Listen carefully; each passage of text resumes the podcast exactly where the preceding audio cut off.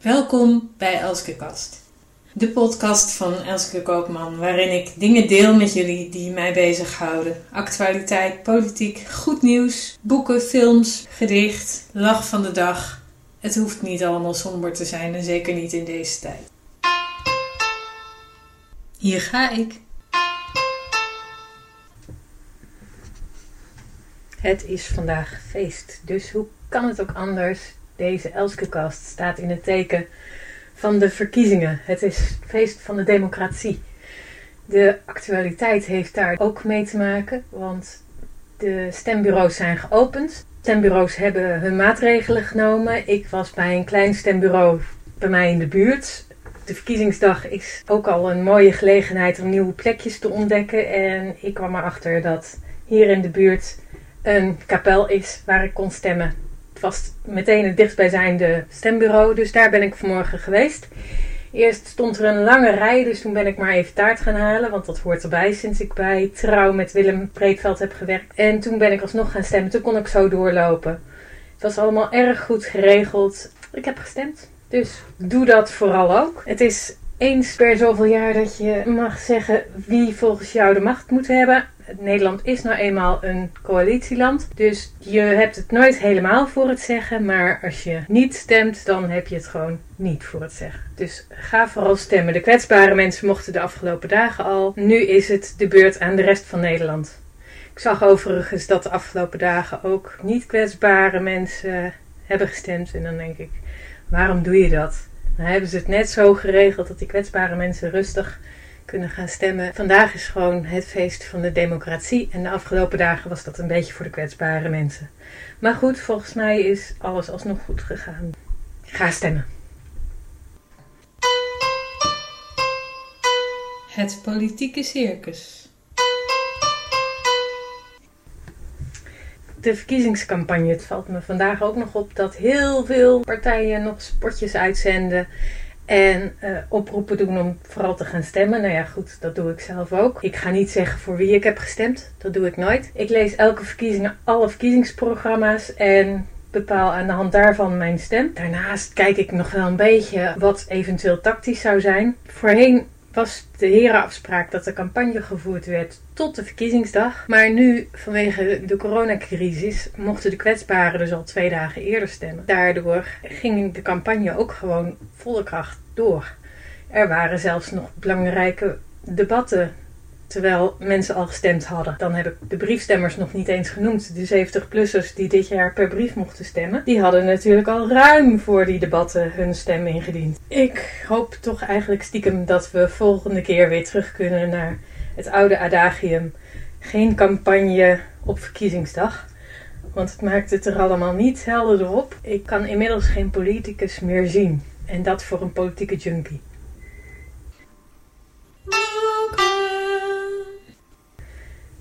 Het boek wat ik vandaag wil bespreken is Vrienden tegen wil en dank van Wilma Borgman en Max van Wezel. De lessen van het tweede kabinet Rutte is de ondertitel. Dit boek hebben zij geschreven na de vorige verkiezingen. Daar werden VVD en PvdA flink afgestraft. VVD verloor 8 zetels en de PvdA liefst 29.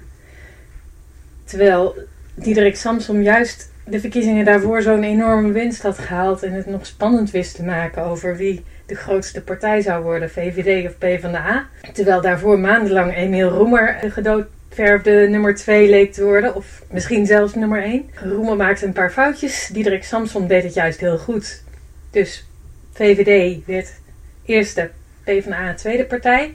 En die twee konden samen een coalitie gaan vormen ze hebben heel snel geformeerd en regeerakkoord gemaakt, bruggen bouwen. En vervolgens hebben ze dat gepresenteerd als twee verliefde mannen aan tafel in een talkshow. Het was bijna gênant om naar te kijken. Het afgelopen jaar is de toeslagenaffaire onderzocht en heeft Ascher, Lodewijk Ascher, die tot voor kort nog de lijsttrekker was van PvdA, besloten om op te stappen als lijsttrekker. En Rutte heeft besloten om te blijven als lijsttrekker. Nu lijkt toch wel een beetje dat hij uh, in de laatste peilingen wat zetels aan het verliezen is. Dus dat de coronabonus of de premierbonus een beetje afneemt. Uh, het wordt dus vanavond nog best spannend bij de uitslagenavond. Maar terug naar het boek. Vrienden tegen wil en dank. Alle ministers zijn geïnterviewd en een paar staatssecretarissen door Wilma Borgman en de helaas veel te vroeg overleden Max van Wezel. Zij hebben ook twaalf goede voornemens voor de toekomst gedestilleerd. Vorm niet een kabinet van louter twee partijen die elkaars tegenpolen zijn.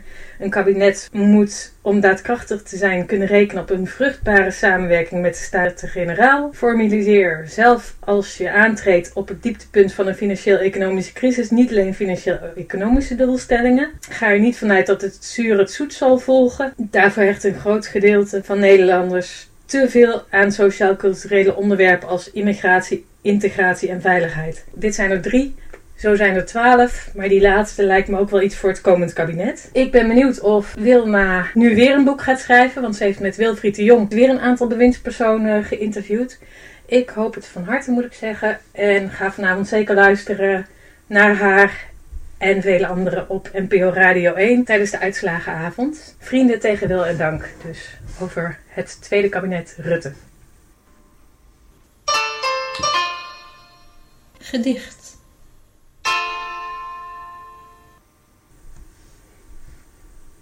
Het gedicht van vandaag is van Esther Naomi Pequin, ongevraagd advies. Geef het land aan wie het weet te liggen.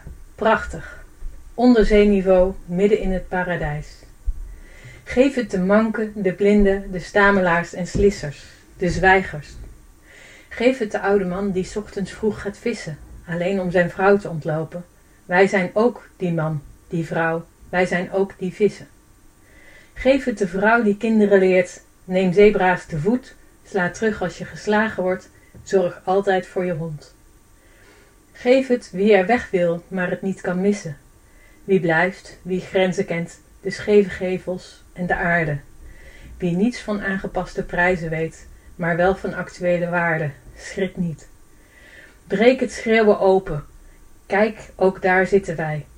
Schouder aan schouder om het vuur grommend en hoopvol, te wachten, te staren. Geef het land aan wie het ter nauwe nood maar stralend vast zal houden. Geef het wie het amper past. Kijk verder dan de meest geplakte posters. Negeer de zachtste woorden, de wanen en de lach. Geef je land, je stad, je tijd uit handen. Maar geef één stem weg, nooit de macht. Een brokje cultuur.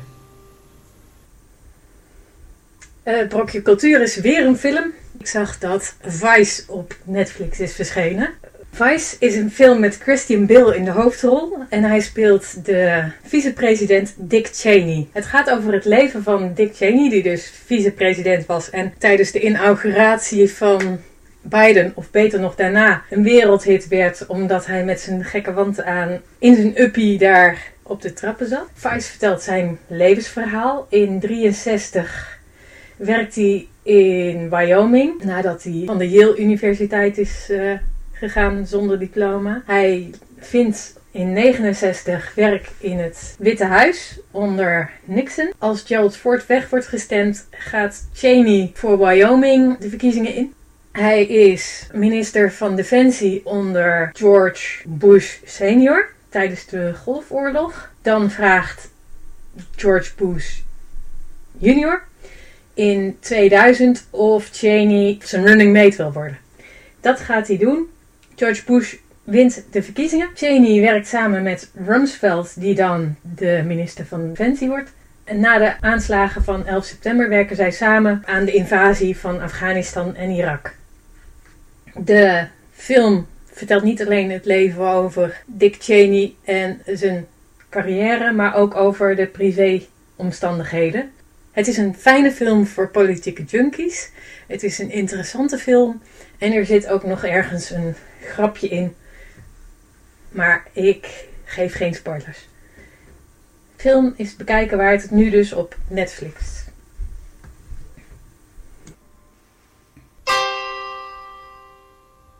Goed nieuws.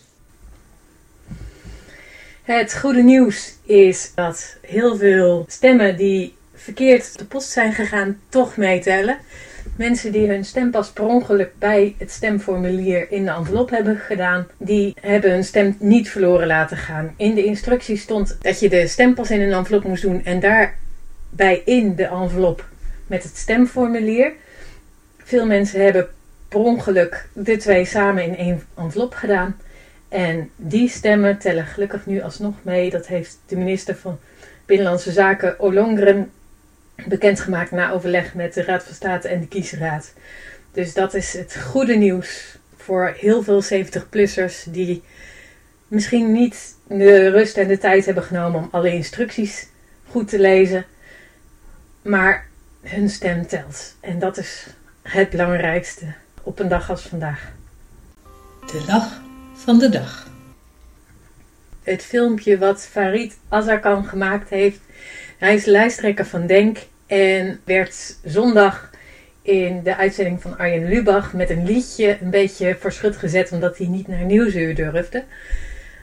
Azarkan die heeft een tegenliedje gemaakt dat hij wel degelijk durfde, maar dat hij het zo druk had.